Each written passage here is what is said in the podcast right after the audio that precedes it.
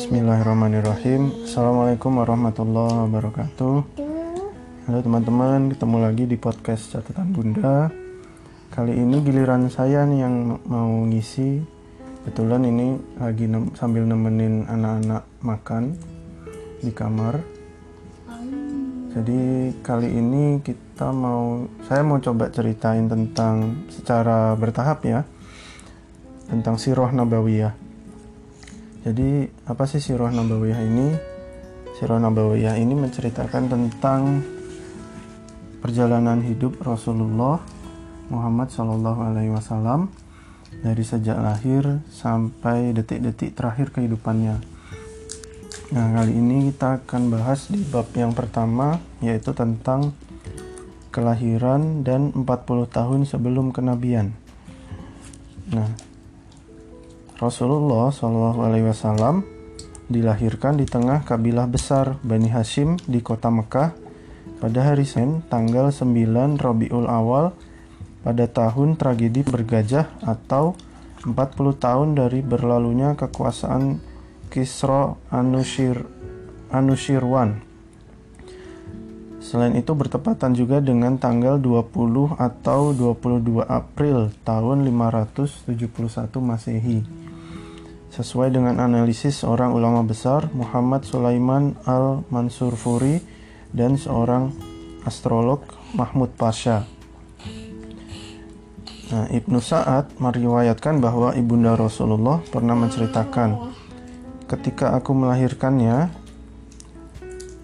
keluarlah cahaya yang karenanya istana-istana negeri Syam tersinari Imam Ahmad, Ad-Darimi, dan periwayat selain keduanya juga meriwayatkan versi yang hampir mirip dengan riwayat tersebut. Sumber lainnya menyebutkan telah terjadi irhasot atau tanda-tanda awal yang menunjukkan akan diutusnya nabi terakhir, yaitu ketika kelahiran beliau ada beberapa tanda. Yang pertama, jatuhnya 14 beranda istana di Kekaisaran Persia yang kedua, padamnya api yang biasa disembah oleh kaum Majusi. Lalu robohnya gereja-gereja di sekitar danau sawah setelah airnya menyusut. Riwayat tersebut dilansir oleh At-Tobari, Al-Baihaqi, dan lainnya, namun tidak memiliki sanat yang valid. Nah, setelah Rasulullah dilahirkan, ibundanya mengirim Rasulullah, oh maaf, ibundanya mengirim utusan ke kakeknya Abdul Muthalib jadi kakek Rasulullah itu namanya Abdul Muthalib. Untuk memberitahukan kepadanya berita gembira kelahiran cucunya tersebut. Nah, kakeknya langsung datang dengan gembira dan memboyong cucunya tersebut masuk ke Ka'bah, berdoa kepada Allah dan bersyukur kepadanya. Kemudian memberinya memberinya nama Muhammad. Jadi nama Muhammad Shallallahu Alaihi Wasallam itu diberi nama oleh kakeknya Abdul Muthalib. Kalau kakak, adik dulu kasih namanya sama ayah sama mama. Ya. Padahal waktu itu pada saat Rasulullah lahir itu nama Muhammad itu tidak populer di kalangan bangsa Arab. Terus pada hari ketujuh setelah Rasulullah lahir uh, Abdul Muthalib menghitan Rasul.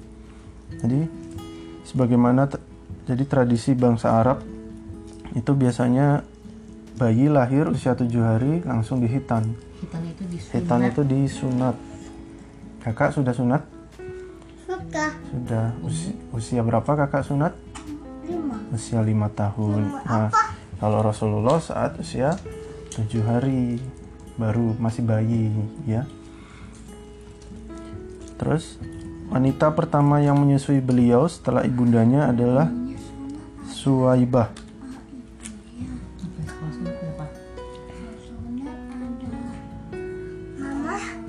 Ada apanya? Maksudnya kan di kulitnya ada penyakit. Iya. Dipotong dan jadi sehat. Jadi sehat jadi bersih. Masuknya tiga tahun iya adik sekarang tiga tahun.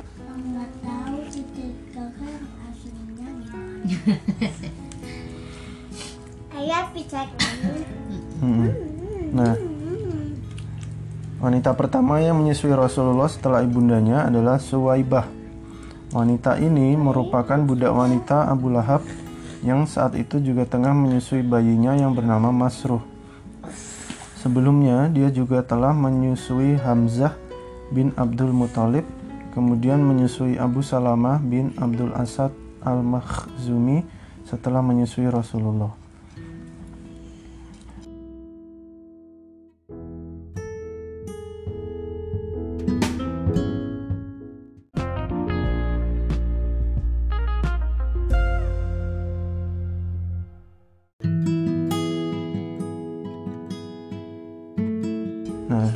Berikutnya kita akan bicara tentang eh, masa atau periode Rasulullah saat di perkampungan kabilah Bani Sa'ad.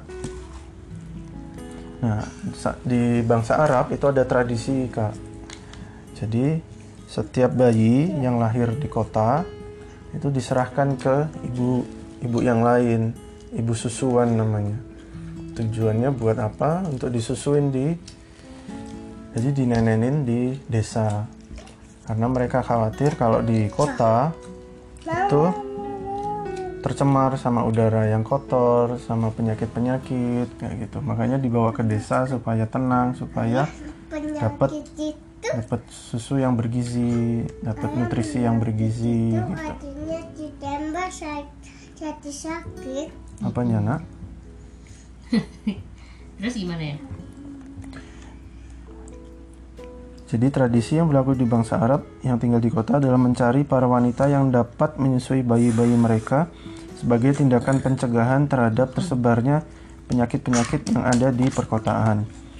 Hal itu mereka lakukan supaya bayi-bayi mereka kuat, berotot kekar, dan mahir berbahasa Arab sejak masa kanak-kanak. Oleh karena itu, sang kakek Abdul Muthalib mencari wanita-wanita yang dapat menyusui Rasulullah. Dia akhirnya mendapatkan seorang wanita penyusu dari kabilah Bani Sa'ad bin Bakar yang bernama Halimah binti Abu Du'aib. Suami wanita ini bernama Al-Harith bin Abdul Uzza yang berjuluk Abu Kabsyah yang juga berasal dari kabilah yang sama. Dengan begitu, di sana Rasulullah memiliki banyak saudara sesusuan, yaitu Abdullah bin Al-Harith, Anisah binti Al-Harith, Hudzafah atau Juzamah binti Al-Harith. Dialah yang berjuluk Asyaima, sebuah julukan yang lebih populer ketimbang namanya. Nah, Halimah merawat Rasulullah serta Abu Sufyan bin Al-Harith bin Abdul Muthalib, saudara sepupu Rasulullah.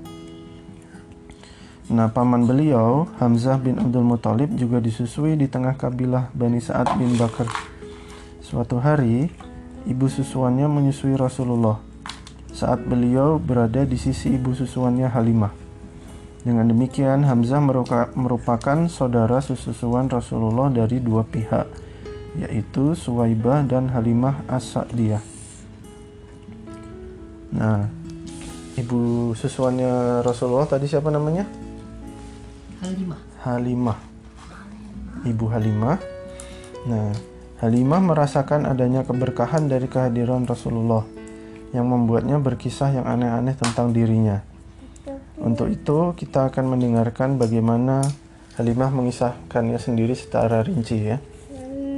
Dari Ibnu Ishaq berkata, Halimah pernah berkisah bahwasanya suatu ketika dia pergi bersama suami dan bayinya yang masih kecil dan masih disusui bersama rombongan para wanita dari kalangan Bani Sa'ad bin Bakar yang sama-sama tengah mencari bayi-bayi yang akan disusui.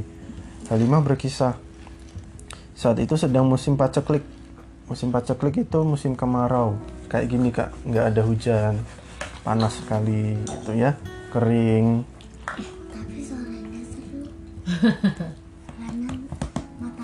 di mana kami tidak memiliki apa-apa lagi.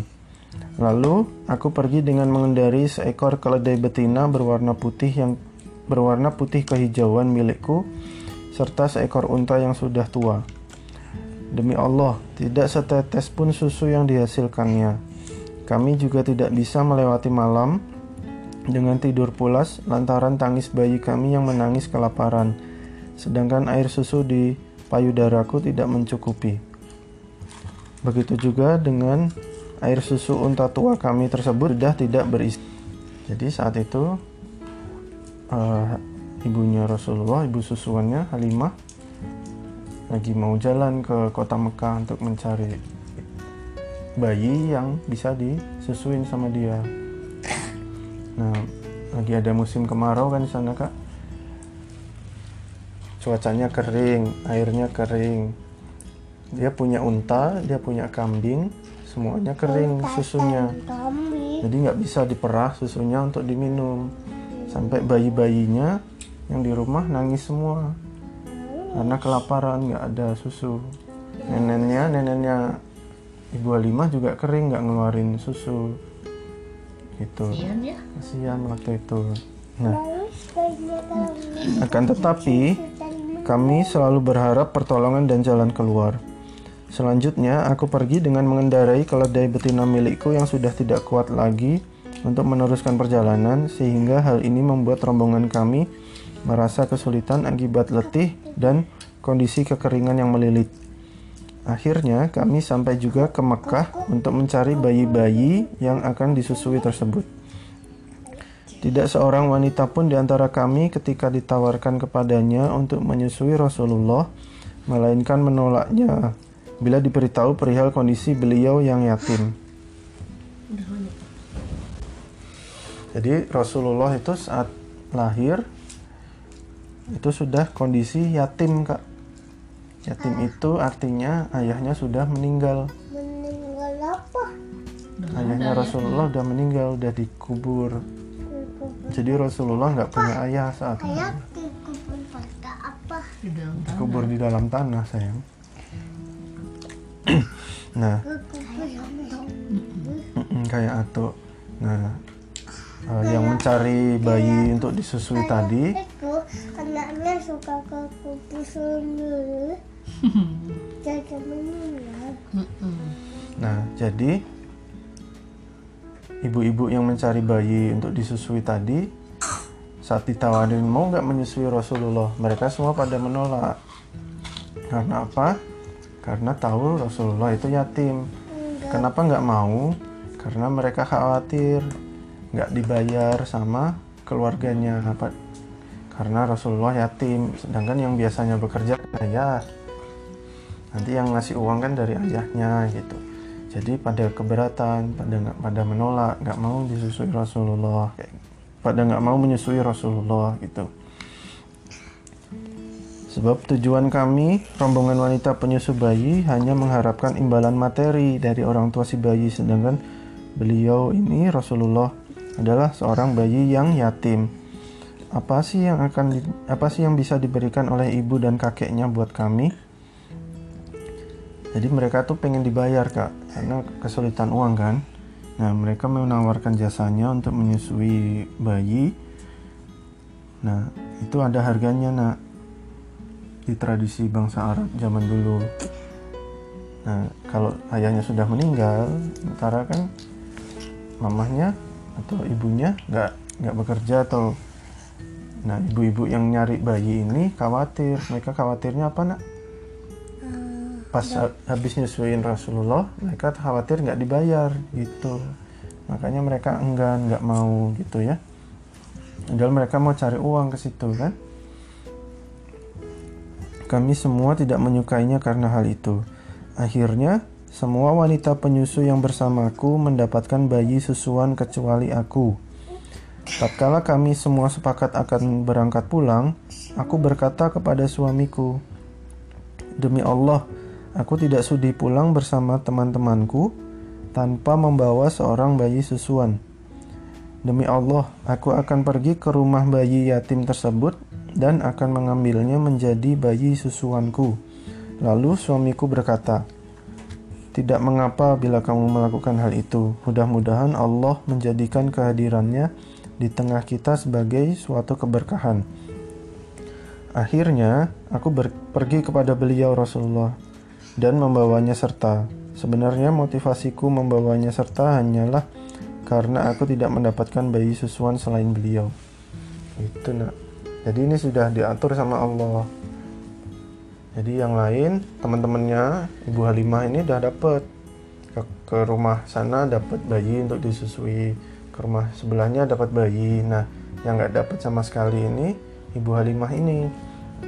Ibu Halimah ini akhirnya bilang sebelum pulang masa udah jauh-jauh jalan ke Mekah tapi nggak dapat hasil gitu kan ya udah akhirnya ya udah nggak apa-apa deh Eh, Rasulullah bayi Rasulullah biar Ibu Halimah aja yang nyusuin. Akhirnya dia ke rumahnya Rasulullah untuk minta izin. Rasulullah dibawa untuk pulang ke desanya.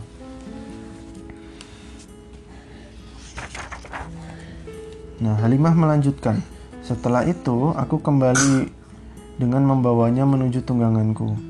Ketika dia kubaringkan di pangkuanku, kedua susuku seakan menyongsongnya untuk meneteki. Seberapa dia suka, dia pun meneteknya hingga kenyang. Dilanjutkan kemudian oleh saudara sesusuannya, bayi bayiku yang lain, hingga kenyang pula. Jadi, eh, padahal di balik kejadian ini ada hikmahnya, ada berkahnya gitu nggak?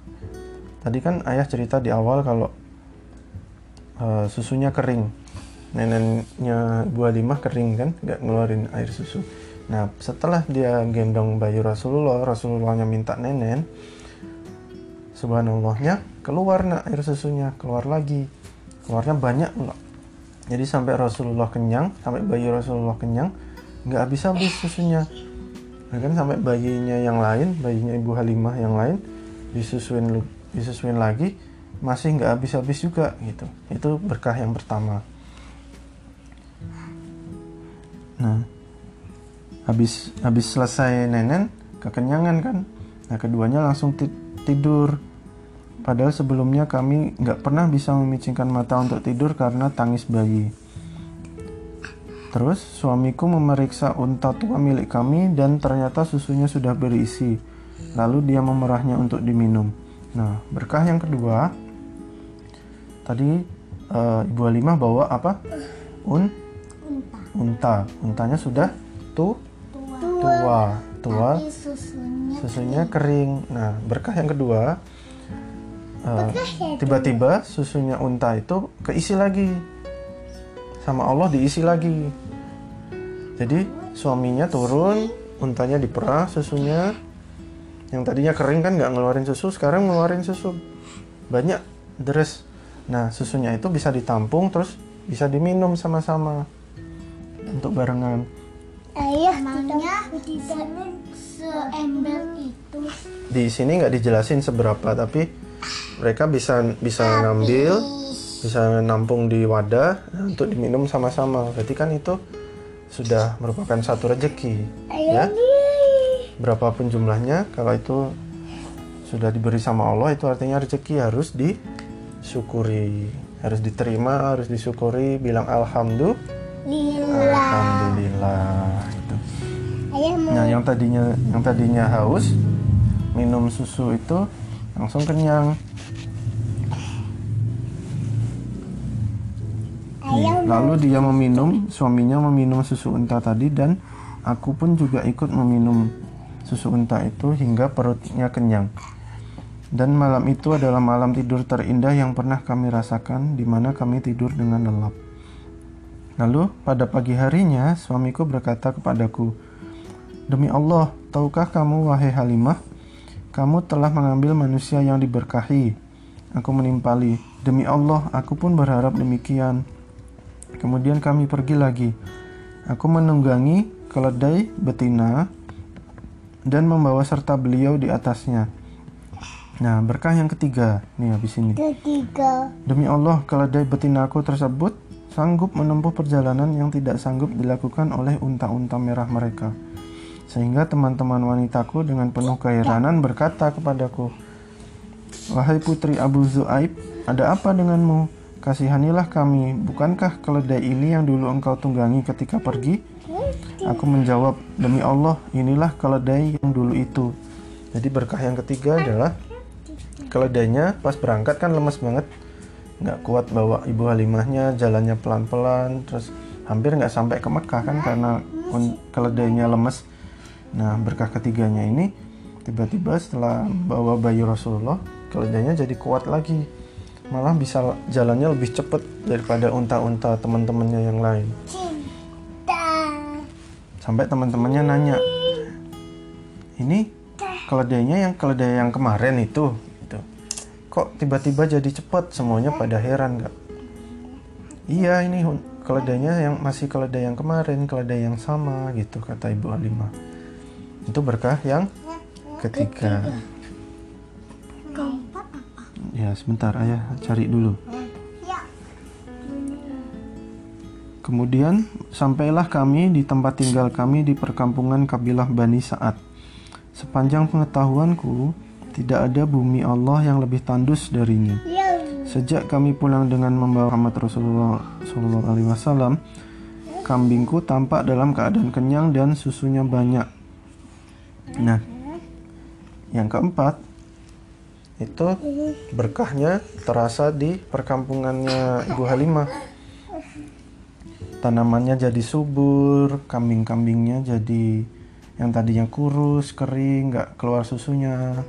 Tiba-tiba keluar susunya kak. Terus badannya jadi gemuk. Terus susunya bisa diminum sama-sama sama orang sekampung. Banyak. Banyak. Nih. Kambingku tampak dalam keadaan kenyang dan air susunya banyak sehingga kami dapat memerahnya demi padahal orang-orang tidak mendapatkan setetes air susu pun di puting susu kambingnya yang lain. Jadi cuma kambing susu kambingnya Ibu Halimah aja yang ini yang keluar susunya. Sampai-sampai eh, tetangganya yang lain, kaumnya yang lain itu heran.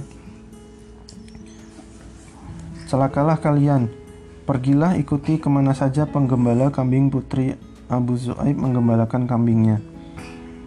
Jadi mereka menganggap kalau ngikutin kambingnya Ibu Halimah itu ke mana-mana, kambing mereka bisa keluar susu juga. gitu. Meskipun demikian, kenyataannya kambing-kambing mereka tetap kelaparan dan tidak mengeluarkan air susu setetes pun. Sedangkan kambingku selalu kenyang dan banyak air susunya. Demikianlah kami selalu mendapatkan tambahan nikmat dan kebaikan dari Allah. Hingga tak terasa dua tahun pun berlalu dan tiba waktuku untuk menyapihnya. Dia tumbuh berkembang tidak seperti kebanyakan anak-anak sebayanya. Sebab sebelum mencapai usia dua tahun, dia sudah tumbuh dengan postur tubuh yang kuat. Halimah melanjutkan, akhirnya kami mengunjungi ibunya dan dalam hati yang paling dalam, kami sangat berharap dia masih bisa berada di tengah keluarga kami karena keberkahan yang kami rasakan sejak keberadaannya tersebut. Kemudian kami membujuk ibunya. Aku berkata kepadanya, kiranya Anda sudi membiarkan anak ini bersamaku lagi hingga dia besar. Sebab aku khawatir dia terserang penyakit menular yang biasa menjangkiti kota Mekah. Kami terus memelas kepadanya hingga dia bersedia mengembalikannya untuk tinggal bersama kami lagi. Nah, itu sebab di eh, di perkampungan kabilah Bani Sa'ad. Coba kita ikutin. Berarti ada ibu susunya Rasulullah namanya Ibu Halimah. Nah, Ada rebutan juga. eh, tadi ayah cerita Ibu Halimah merasakan ada keberkahan yang dia rasakan bersama suaminya. Setelah membawa bayi Rasulullah. Keberkahan yang pertama. Apa tadi? Hmm, Keberkahan yang pertama adalah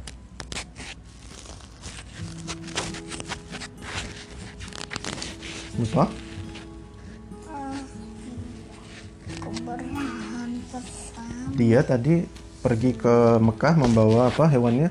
membawa Un, unta. unta. Untanya tadinya susunya Susunya nggak ada, kering. kering. Nah, setelah membawa bayi Rasulullah lewat bayi apa unta tadi Oh susunya bisa Susunya jadi? berisi ba berisi banyak. banyak lagi terus bisa diperah terus bisa diminum rame-rame ya. Iya. terus keberkahan yang kedua. Keberkahan yang kedua adalah Halimah tadi pergi naik Naik unta. Ke? Keledai. keledai. pas berangkat gimana keledainya? Lemas apa kuat? Lemas. lemas nah setelah membawa bayi Rasulullah gimana ke- keledainya tadi tiba-tiba jadi Kuat. kuat. Yang tadinya jalannya pelan pelan tiba-tiba pas pulang perjalanan pulang jalannya jadi jadi cepat banget ya. Iya. jadi cepat mengalahkan unta-unta yang lain sampai teman-temannya heran. Tanya-tanya ya beneran nggak ini keledai yang sama yang kemarin dibawa? Gitu katanya. Terus keberkahan yang ketiga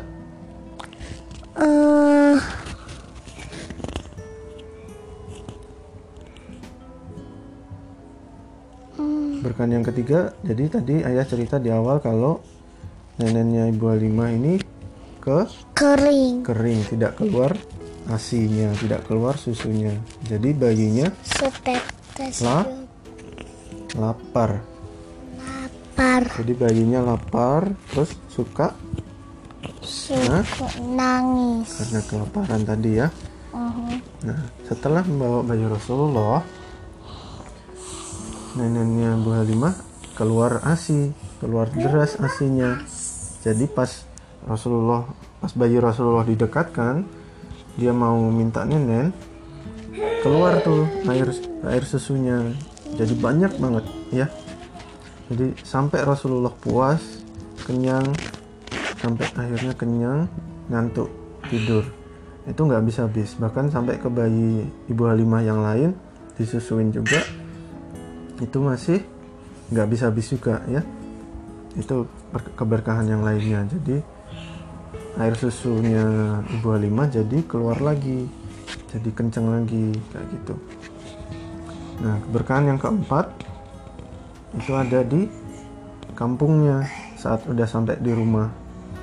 Tadinya kambingnya gimana kak? Eh, Kurus Kambingnya kurus, terus nggak bisa nyusui. nggak bisa keluar air susunya. Nah, setelah Rasulullah pulang sampai ke rumahnya Ibu Halimah, air susunya kambing keluar lagi. Bahkan kambingnya sampai kekenyangan juga ya. Jadi kenyang, badannya bagus, dagingnya banyak, air susunya pun banyak gitu. Jadi bisa diperas, bisa diminum sama orang-orang yang lain, sama Ibu Halimah, sama suaminya, sama orang-orang yang lain yang ada di kampungnya. Kayak gitu.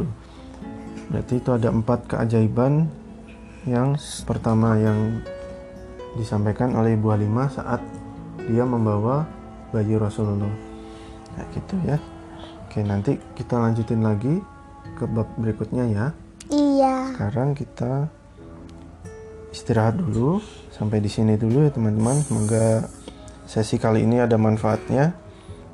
Nanti kita akan sambung di sesi berikutnya tentang sirah nabawiyah ini. Semoga bermanfaat. Assalamualaikum warahmatullahi wabarakatuh.